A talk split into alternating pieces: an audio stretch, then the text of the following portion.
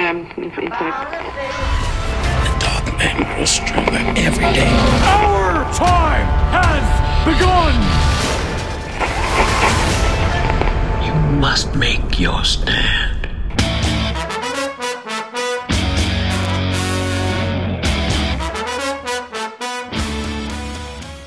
Witam Was, kochani, bardzo serdecznie w kolejnym odcinku podcastu Radio SK.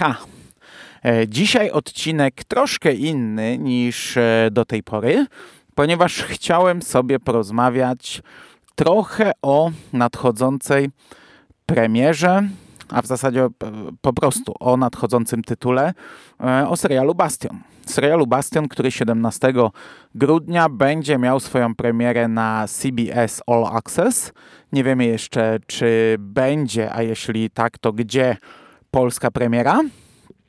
Ale e, po pierwsze, dlaczego to nagrywam? Dlaczego nagrywam taki podcast? Jakiś czas temu, gdy pojawił się jakiś pierwszy materiał promocyjny, wrzuciliśmy to na Facebooka i ktoś napisał komentarz.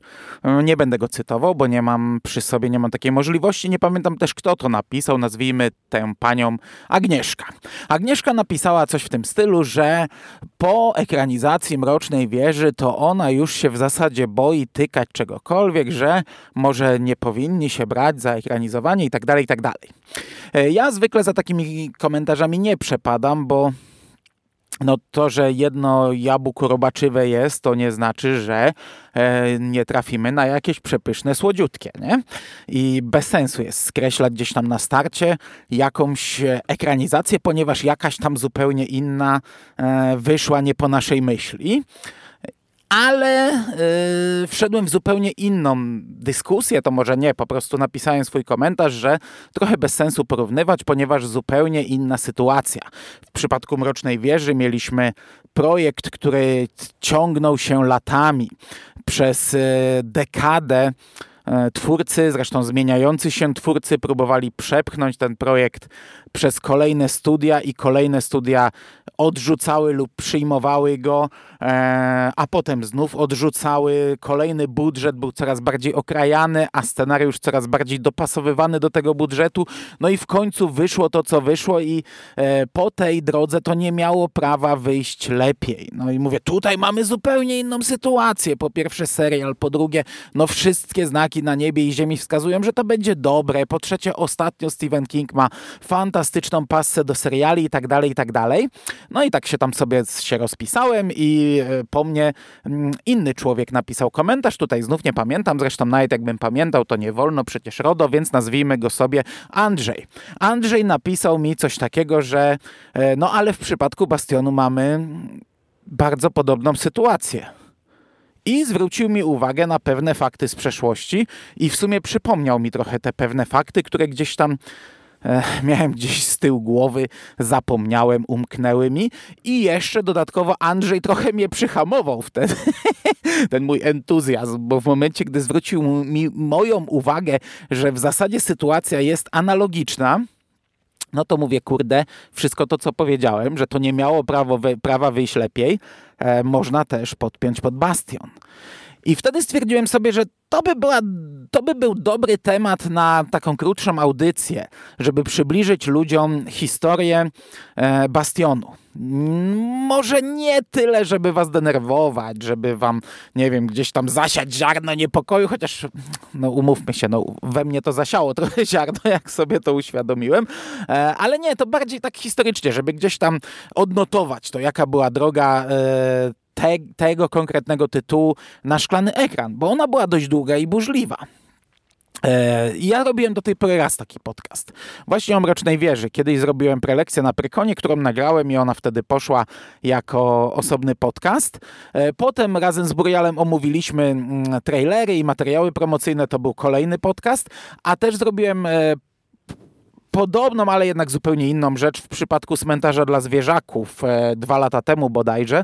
E, podcast o moich obawach i oczekiwaniach, ale tam miałem konkretne rzeczy, których mogłem się złapać. Tutaj raczej czegoś takiego nie będę miał. Na sam koniec powiem kilka zdań o materiałach promocyjnych, o trailerze i też o pewnych obawach, ale raczej chciałem się skupić na suchych faktach, na, na historii, bo przejrzałem sobie e, newsy cofając się o 9 lat.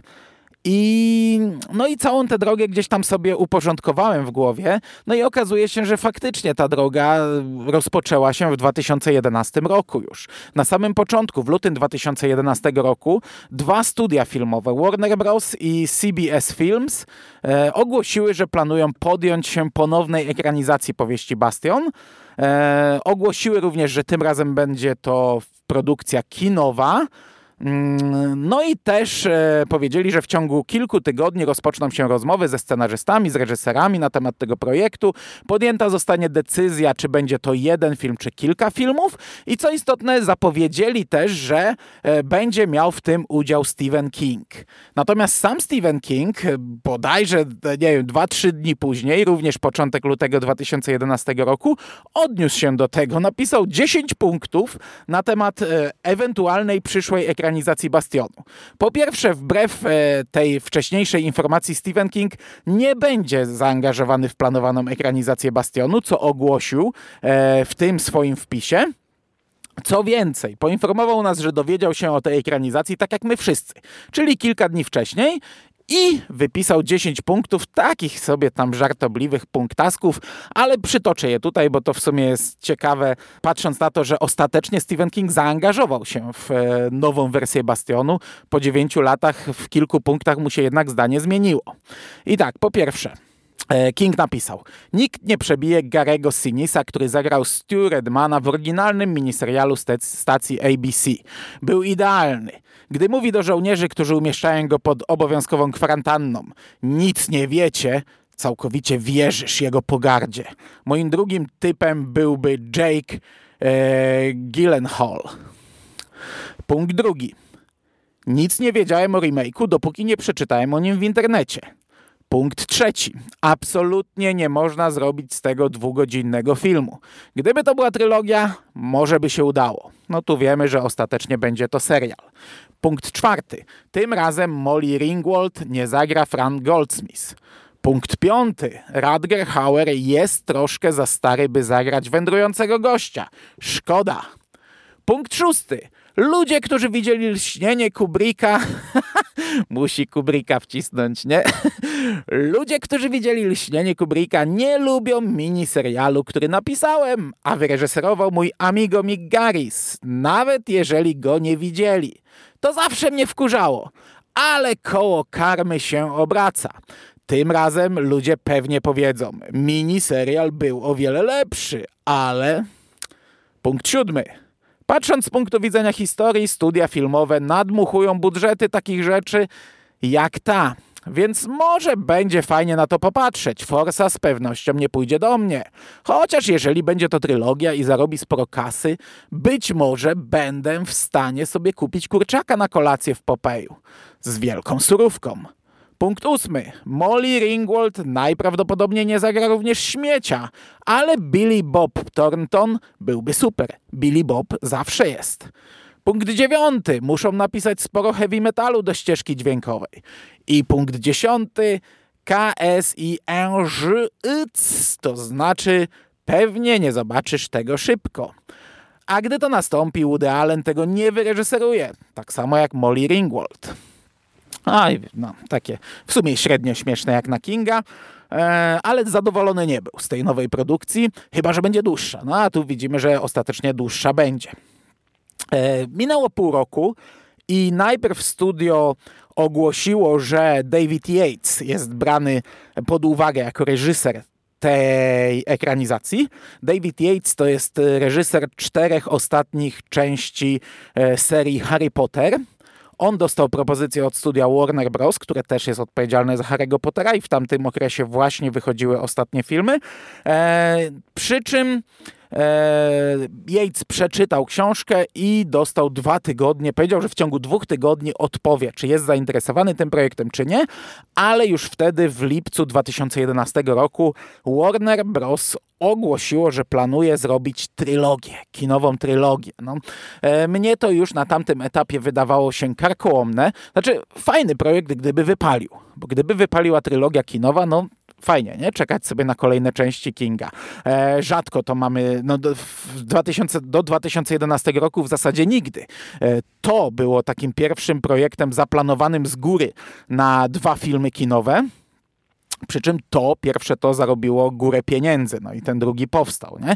Mroczna Wieża też była projektem zaplanowanym na e, no, trylogię kinową pierwotnie, przy czym no, Mroczna Wieża okazała się klapą i podejrzewam, że Bastion raczej też okazałby się klapą.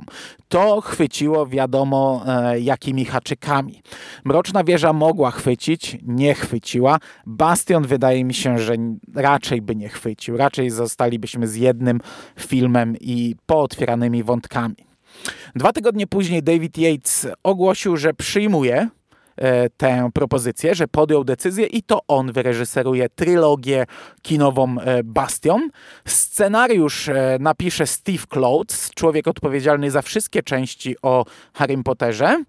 No i, i, i, na tym sprawa się zatrzymała, to był sierpień. Natomiast w październiku, dwa miesiące później, okazało się, że David Yates już e, nie będzie reżyserował Bastionu, a nowym reżyserem zostanie Ben Affleck. Nie wiadomo było, czy to Steve Kloats napisze scenariusz, będzie dalej odpowiedzialny za scenariusz e, tych filmów.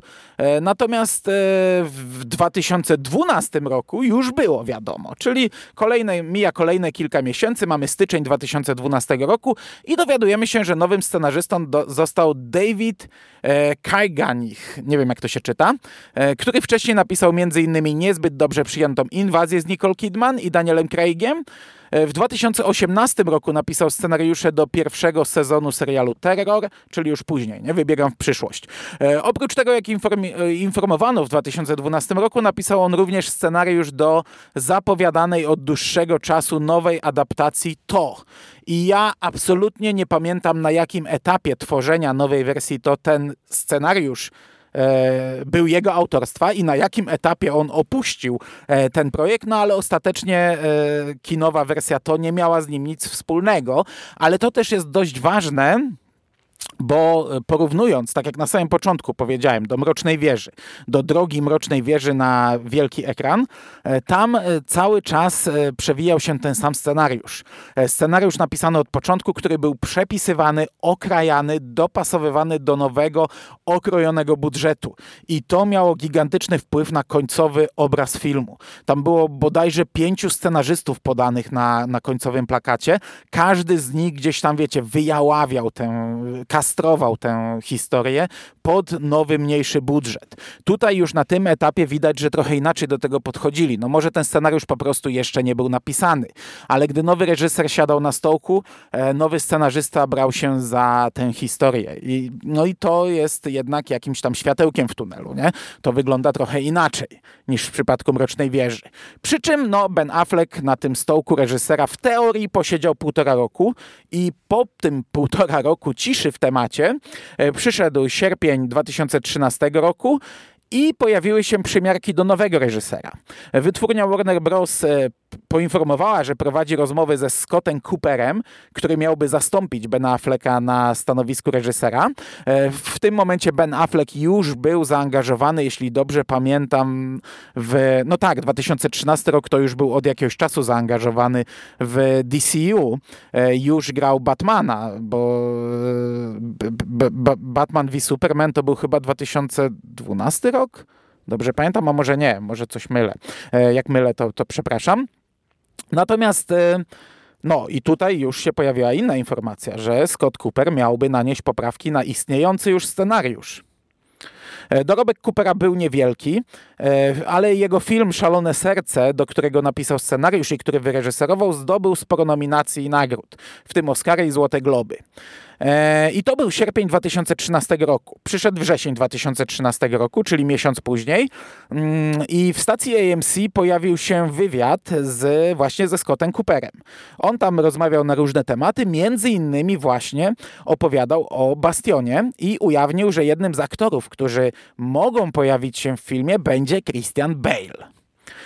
I to, I to jest o tyle zabawne, że to był wrzesień 2013 roku, nie pamiętam jaki dzień, ale zaledwie kilka godzin po opublikowaniu przez MTV wywiadu, w którym właśnie Scott Cooper opowiadał o planach na tę ekranizację, serwisy filmowe zamieściły informację, że Scott Cooper zrezygnował z posady z powodu różnych wizji jego i studia Warner na ten film. Przyszedł e, marzec 2014 roku i Warner Bros. podpisał umowę z nowym reżyserem, Joshem Boonem. E, Josh Boone miał zekranizować e, powieść Bastion. E, w tym momencie zmieniła się koncepcja, to już nie była trylogia. Ogłoszono, że to będzie jeden film, który będzie trwał 3 godziny. Scenariusz do tego filmu właśnie powstaje i pisze go również Josh Boone. Nie zapowiedziano, czy Boone zajmie się pracą nad Bastionem przed czy po realizacji filmu Historia Lizzie którą także miał w planach. I tutaj krótka przerwa na dygresję na temat Josha Buna, z którego ja bardzo często u, u, urządzam sobie żarty przy różnych zapowiedziach e, filmowych. Jeśli słuchacie gdzieś tam mnie na bieżąco, to to nazwisko przewija się dość często. Otóż Josh Boone e, i Stephen King, obu tych panów łączy ciekawa historia. Kiedy Boone był dzieckiem, rodzice nie pozwalali mu czytać książek Kinga. E, dwunastoletni chłopak ukrywał się więc z czytaniem książek. E, pewnego razu wysłał list do Kinga, opisując jak bardzo lubi jego książki i wyznając, że także chciałby zostać pisarzem, gdy dorośnie. E, do listu dołączył kilka książek z nadzieją, że pisarz je podpisze. Po pewnym czasie otrzymał paczkę od Kinga. To były jeszcze czasy, kiedy King odpisywał na takie rzeczy i czytał je czasami książkami. E, otrzymał paczkę od Kinga, a na każdej z książek napisany był krótki list od autora. E, będąc pod wielkim wrażeniem, rodzice zdjęli synowi zakaz czytania książek Stephena Kinga. No i E, przyszedł, e, przyszły pierwsze dekady XXI wieku, początek drugiej dekady. I nagle, wiecie, raz, dwa, rach, ciach, bum, bum, bum, Josh Boone tutaj strzela, będę robił to, będę robił tamto, nakręcę tyle Stephenów Kingów, że wam oczy zbieleją, nie nakręcił nic do dzisiaj. Najpierw ogłosił, że zrobi historię Lizzie i wtedy właśnie poznaliśmy tę historię, e, na ile ona prawdziwa, no to tego nie wiemy, nie? Tę historię z dzieciństwa Josha Boona. Potem okazało się, że Warner wynajął go do Bastionu i to był rok, jeszcze raz przypomnę, 2014, początek, marzec. Natomiast e, w kwietniu, ale 2015, czyli ponad rok później, okazało się, że Bun pracuje nad Bastionem e, że ta praca już nabiera kształtów, ale znów zmieniła się koncepcja. I tym razem rozważany jest najpierw serial w telewizji Showtime ośmioodcinkowy miniserial, a dopiero na sam koniec film kinowy, który miałby trafić na ekrany kin, pełnometrażowy film, czyli gdzieś tam romansujemy właśnie z tym, co było e, w przypadku Mrocznej Wieży, gdzie każdy film miał być przecinany serialem, przy, tam, przy czym tam filmy miały opowiadać e, powiedzmy teraźniejsze wydarzenia z życia dorosłego Rolanda, a seriale młodość, dzieciństwo jego. Tutaj nie wiem kompletnie jak to było brane pod uwagę. E, jeszcze, nie wiem, no, no teraz e, widownia serialowa jest powiedzmy duża, nie? To, to już się bardziej przecina gdzieś tam e, ta, skreślę cudzysłów, telewizja z kinem, ale to nadal nie jest, nie jest to samo. To nadal są dwa oddzielne jednak środowiska, znaczy wizje. No, no, e, raczej nie przypominam sobie sytuacji, żeby film kinowy był zależny od serialu. Film kinowy musi być raczej niezależną produkcją. Powiedziano, że zdjęcia mają szansę rozpocząć się na początku 2016 roku i Josh Boone wtedy opublikował dwa zdjęcia. Dwa zdjęcia na Twitterze bodajże. Jedno z nich to był, e, była książka Bastion, nie wiem, jakiś wydruk chyba oprawiony e, u Introligatora, bo, bo to nie, nie, nie, albo może bez oboluty książka, nie mam pojęcia, nieważne. I pierdylion, zylion e, karteczek, wiecie, takich kolorowych, powtykanych, czyli przeczytał książkę i pozaznaczał masę notatek i to wkleił to zdjęcie, fajnie to wygląda. Natomiast e, drugie zdjęcie to był zrzut e, strony z IMDB, z której wynikało, że e, film jest w trakcie preprodukcji. Mijają kolejne miesiące, prawie lata prawie rok, 2016 rok, luty, okazuje się, że jednak Bastion e, ląduje na haczyku. A Josh Boone planuje zekranizować Przebudzenie Stephena Kinga, trzecia książka. E, I tam opowiada o tym przebudzeniu. No, oczywiście film również nie powstał.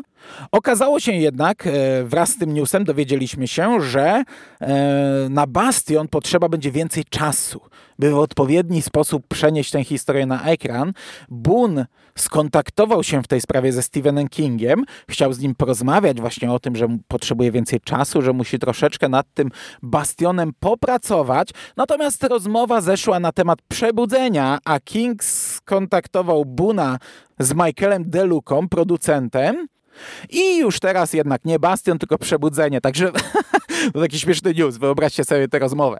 Josh Boone dzwoni do Stephena Kinga. Ty, słuchaj, stary Steve, no wiem, miałem kręcić Bastion, on już miał wyjść, ale ja potrzebuję więcej czasu. Ja muszę nad tym pracować. Daj mi trochę więcej czasu. Ty, a czytałeś Przebudzenie? No czytałem. Ty, a może byś to zegranizował? A dobra, olać Bastion, robimy Przebudzenie.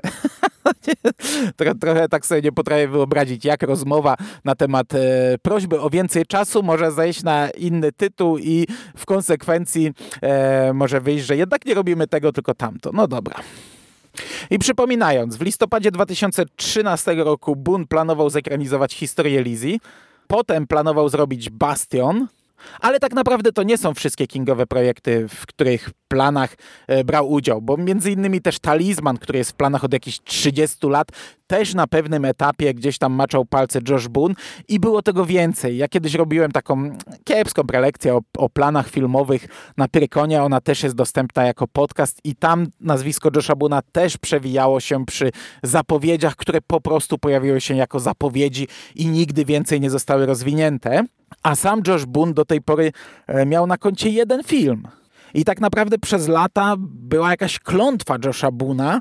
E, my, my, przynajmniej tak się z tego nabijaliśmy i dopiero teraz, 2020 rok, przełamał tę klątwę, no bo nowi mutanci w końcu po latach przekładania weszli do kin.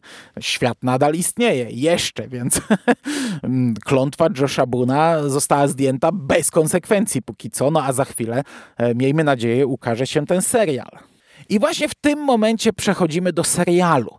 I ja na tym etapie odłączyłem w swojej głowie zupełnie ten projekt od tych wszystkich wcześniejszych e, planów, o których właśnie teraz powiedziałem jakoś, nie wiem, ten, ten, ten okres przerwy i całkowita zmiana podejścia, że nie film, tylko serial, chociaż jak, chociaż jak teraz widzimy, już wcześniej serial był brany pod uwagę, e, no ale to sprawiło, że ja w głowie odłączyłem zupełnie ten projekt. Potraktowałem go jako, wiecie, czysta kartka, jako nowe podejście. Dlatego e, w komentarzach, o których powiedziałem na początku, e, no, w taki sposób skomentowałem.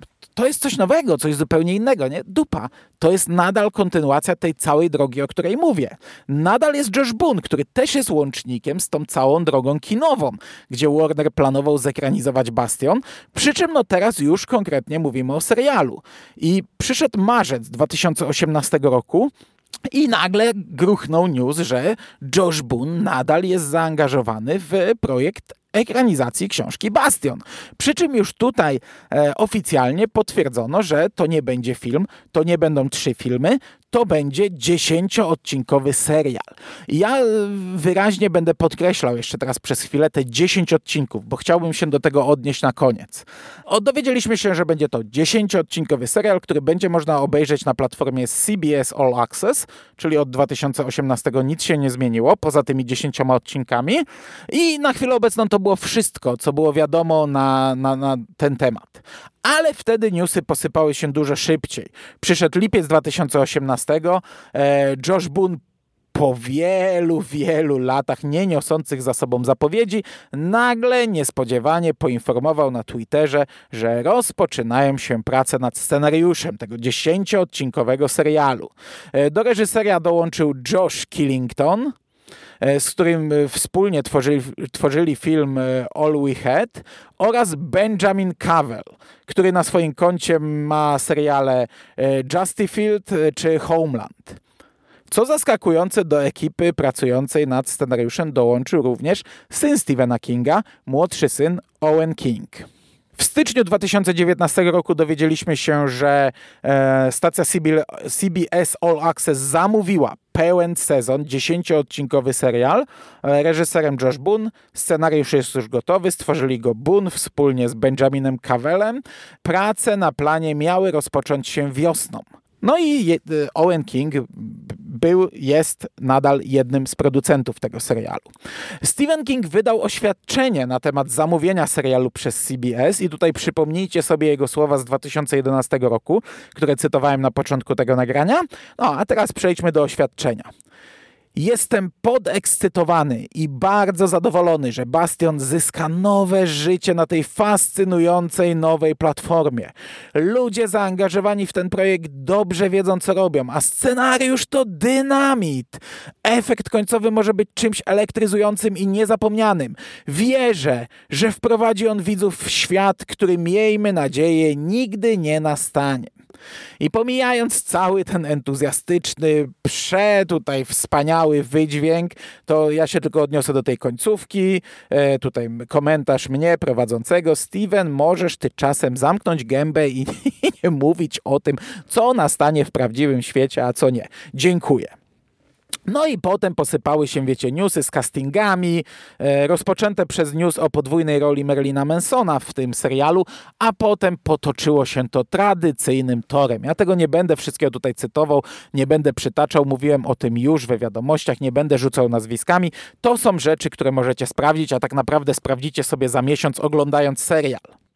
Natomiast co jest istotne, w sierpniu 2019 roku na Twitterze Stephen King napisał i tu znów cytuję. Scenariusz do ostatniego epizodu Bastionu ukończony. Cieszę się, że Josh Boone dał mi szansę, gdyż ostateczne zakończenie tej historii siedziało we mnie od 30 lat.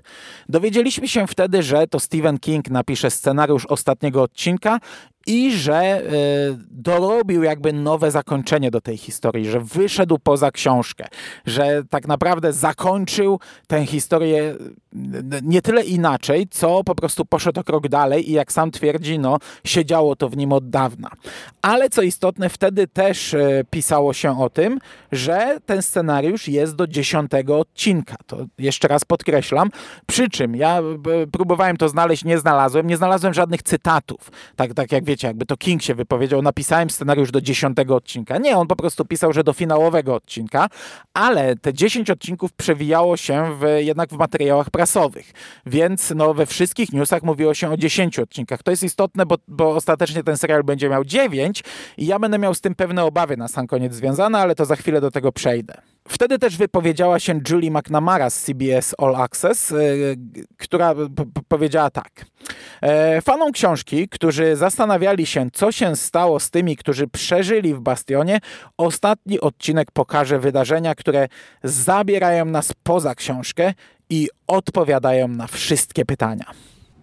I to jest koniec tej całej drogi. Za chwilę przejdziemy sobie do promocji tego serialu, ale ja bym chciał jeszcze podsumować. Czyli tak, mieliśmy czterech twórców. David Yates, Ben Affleck, Scott Cooper, Josh Boone. E, mieliśmy masę podejść do koncepcji na, te, na tę ekranizację.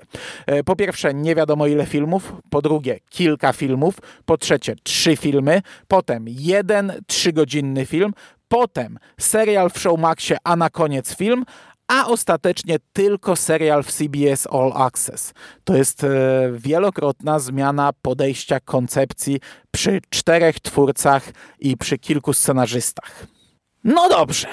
I jeśli nie zasialiśmy tutaj sobie ziarna niepokoju i nadal umiemy podejść z otwartą, czystą kartą, to ten miesiąc, miniony miesiąc, przyniósł nam dość dużo materiałów promocyjnych tego serialu. Na samym początku, jakiś czas temu, pojawił się teaserek, 30-sekundowy mniej więcej teaserek, który był spoko, był fajny. Mówiliśmy o nim we wiadomościach z Martwej Strefy, ty, ty, tych wersji wideo. Wtedy też pojawiły się pierwsze graficzki, logo serialu i tak dalej, i tak tak dalej. E, teraz podczas bodajże New York Comic Con online, e, gdzie mieliśmy panel e, z twórcami, aktorami serialu, na początku pojawił się plakat. Bardzo fajny plakat. Bardzo podoba mi się ta grafika.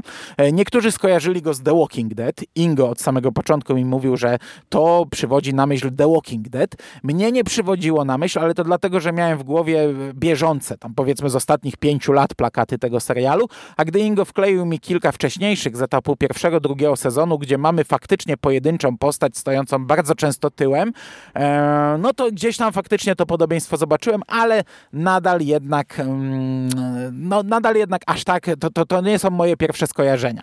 E, bardzo podoba mi się ten plakat, widzimy Randala Flaga, małą postać Randala Flaga trzymającego kruka w ręku, stojącego na jakimś kamperze, widzimy ten wymarły świat i e, słupy e, wzdłuż drogi, gdzie jeden słup jest złamany i w powietrzu unosi się krzyż. E, bardzo fajny motyw, bardzo mi się ten plakat podoba panel z twórcami i aktorami taki sobie, w zasadzie nic się tam ciekawego nie dowiedzieliśmy, ale na koniec tego panelu został puszczony trailer i ten trailer już tak troszeczkę, powiem wam, ostudził moje zapały, jeśli chodzi o ten serial. Po pierwsze, muzyka, dobra, muzyka spoko jeszcze, to jest jakiś tam bodajże mm, cover Boba Marleya, może mnie to nie rzuca na kolana, ale, ale okej, okay, dobra, nie będę się czepiał. Natomiast sam trailer to jest taki trochę zlepek scen. Po pierwsze jest dość chaotyczny, e, niewiele z niego wynika. Ja wiem, że z jednej strony czasami się marudzi, że trailery zdradzają za dużo, ale wiecie, ze skrajności w skrajność, nie? Świat nie jest czarny albo biały, a tutaj właśnie mamy taki przeskok w skrajność. Mamy dużo chaotycznych scen, niektóre nawet powiedziałbym, że dość kiczowate. I ja wam powiem, że ja pomimo tego, że znam tę książkę, czytałem ją dwa razy, teraz czytam ją trzeci raz i okej, okay, ja wiem, co ten trailer nam pokazuje, to patrząc na to z boku, to ja bym nie wiedział, co ten trailer nam pokazuje. Według mnie tam jest chaotyczny zlepek scen, który mnie by nie zachęcił do serialu, gdybym nie był fanem książki, fanem Stephena Kinga. no. Natomiast co jest najistotniejsze, patrząc na ten trailer, z jednej strony zrozumiałe, z drugiej mam trochę obawy, ponieważ twórcy najwyraźniej postanowili całkowicie zrezygnować z tematu epidemii supergrypy w promocji tego serialu. Ten trailer nie pokazuje nam absolutnie nic z pierwszej części książki. On zaczyna się w momencie, gdy bohaterowie e, z wolnej strefy spotykają się. Gdy Larry Underwood podjeżdża wraz z innymi ludźmi na polu kukurydzy, spotyka Stu Redmana i oni wszyscy wyruszają do wolnej strefy Boulder. Od tego momentu się zaczyna i jako widz, e, przyszły ewentualny widz nieznający książki, ja trochę nie wiem o co chodzi. Ja trochę nie wiem, co to jest za świat, dlaczego jacyś bohaterowie spotykają się w jakiejś wolnej strefie, czym jest ta wolna strefa, dlaczego nagle mamy jakieś starcie dobra i zła, Boga i piekła, jakiegoś gościa magicznego, który gdzieś sobie jest w tym kiczowatym, e, kolorowym, tandetnym Las Vegas i on prowadzi wojnę z tymi e, ludźmi gdzieś tam na polu mieszkającymi na farmach, którzy zakładają sobie nową strefę, nowe życie, jest to dla mnie niezrozumiałe. To po pierwsze. Po drugie, to jest ta część książki, którą ja mniej lubię. Ja jednak bardzo lubię ten początek, to, to wymarcie świata. To jest dla mnie, e, kurczę, no, najfajniejsza część książki.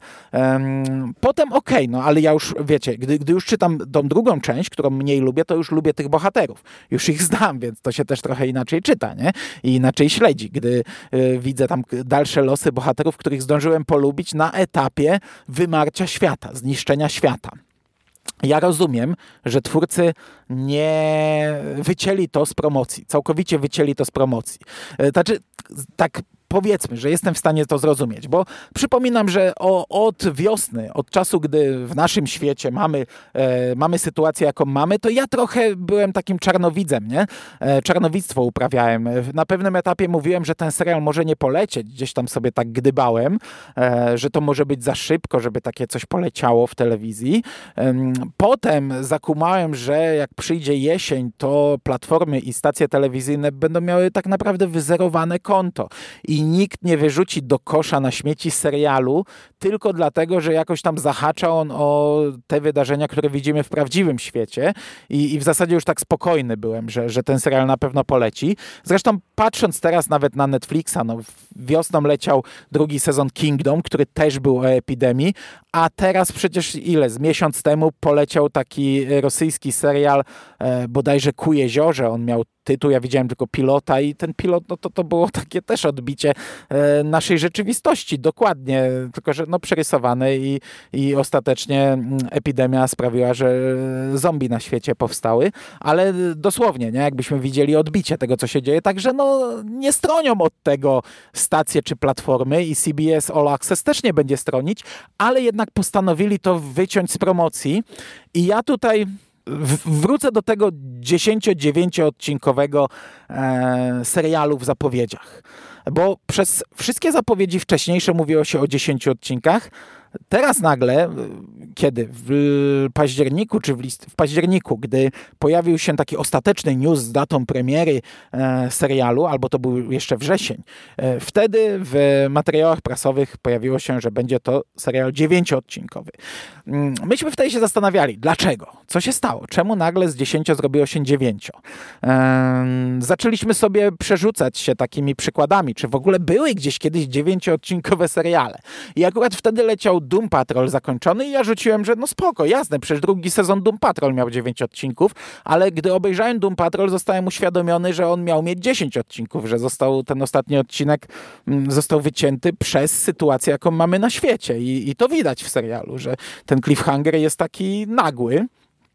E, no i e, ja wtedy myślałem, że może ten ostatni odcinek będzie po prostu dwuodcinkowy, dwa ostatnie odcinki skleili jed, w jeden i, i, przez to taka dziwna numeracja może powstała. E, ostatecznie może nawet będzie to gdzieś tam numerowane jako 10 odcinków, ale powiem wam, że w tym momencie pomyślałem sobie, e, czy przypadkiem, i to są moje obawy, to są moje największe obawy od serialu, e, czy to nie będzie tak, że jednak trochę przytną tę pierwszą część skoro obawiają się reklamować ten serial e, pandemią, epidemią supergrypy, która e, wybiła cały świat, ja się obawiam, czy na przykład, nie wiem, z dwugodzinnego wstępu nie zrobią godzinnego wstępu, wyjaławiając go z co bardziej y, ostrych, soczystych elementów. Że wiecie, zrobią nam takie wprowadzenie do tego świata y, po epidemii supergrypy, ale uspokojone, żeby to nie było jakoś y, zbyt długie, zbyt agresywne, zbyt mocne dla widza żyjącego w świecie opanowanego gdzieś tam przez COVID-19. To są oczywiście niczym nie poparte moje obawy takie, wiecie, patrząc na promocję i patrząc na te, te zmieniające się zapowiedzi, e, no mam nadzieję, znaczy, wiecie, no ostatecznie nie, nie, będziemy wiedzieli, czy to nastąpiło, czy nie, bo nikt nam tego nie powie. Ale mam nadzieję, że to nie nastąpi, bo ja jednak mam nadzieję, że jeśli dostajemy 9 czy 10 odcinków, ale jednak serial, e, no to ta pierwsza część będzie odpowiednio rozbudowana. Ona będzie też długa i będzie mocna. Bo na chwilę obecną, tak naprawdę poza dwoma zdjęciami promocyjnymi, ten serial w ogóle nie ma związku z supergrypą. Ta, ta, ta cała machina promocyjna w ogóle nigdzie nie mówi nam o żadnej supergrypie. W pierwszej partii zdjęć promocyjnych pojawiło się bodajże troje aktorów e, w całych uniformach a w drugiej partii zdjęć promocyjnych, które wypłynęły tam w tym czasie, co właśnie trailer i plakat, było jedno zdjęcie bohatera w maseczce. I to jest wszystko. To jest wszystko. Cała promocja e, opiera się na drugiej części serialu i tej opowieści. No naprawdę mam ogromne nadzieje, że dostaniemy taki, wiecie, soczysty, pokaz tego, jak rozprzestrzenia się epidemia supergrypy, bo to było świetne w książce i mam nadzieję, że to nie sytuacja na świecie w płynie, ewentualnie, że go nie dostaniemy. Dobra, nie ma co tutaj się rozwodzić, bo to są tylko moje gdybania. Za miesiąc tak naprawdę sytuacja będzie już jasna. E, powiem tylko jedno jeszcze odnośnie trailera. Jest e, jedno nawiązanie kingowe, które załapałem, które zobaczyłem. W scenie, mm, nie pamiętam, która to jest minuta, widzimy twarz bohatera i zanim widzimy wykładzinę z e, hotelu Overlook, z lśnienia. I teraz zastanawiam mnie, czy to będzie taki tylko smaczek, czy może faktycznie będą jakieś wydarzenia w e, Stanley Hotel, w, czy też w Overlook, bo przecież e, Boulder było w Colorado. Stanley Hotel też było w Colorado. Może, może to będzie jakieś większe nawiązanie, a nie tylko taka pierdółka w postaci gdzieś tam wykładziny w jakimś pomieszczeniu. Pożyjemy, zobaczymy. No mam nadzieję, że, że, że coś więcej tutaj będzie. Jeśli Stephen King zaangażował się w pisanie scenariusza, może też jakieś cameo, może Owen King jako producent. No kurde, mam nadzieję, że, że coś nam przyniesie, ale to na razie tylko takie pierdoły, ponieważ w trailerze widzimy tylko ten jeden drobiazg. Dobra, tak jak powiedziałem, nie miałem na celu zasiać niepokoju w waszych głowach. Ja bardzo czekam na ten serial. Liczę, że on będzie naprawdę dobry. Co prawda trailer troszkę mnie ostudził, ale tak tylko delikatnie, a, a umówmy się. E, w ostatnich czasach nie jeden trailer serialu mnie ostudził, a potem okazywało się, że e, serial był fantastyczny.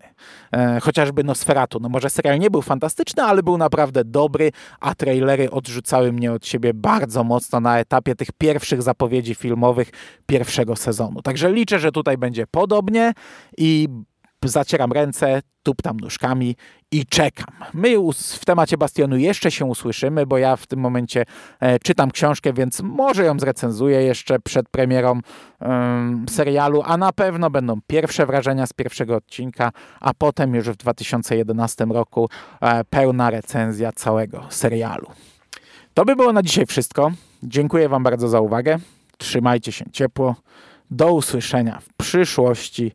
Cześć!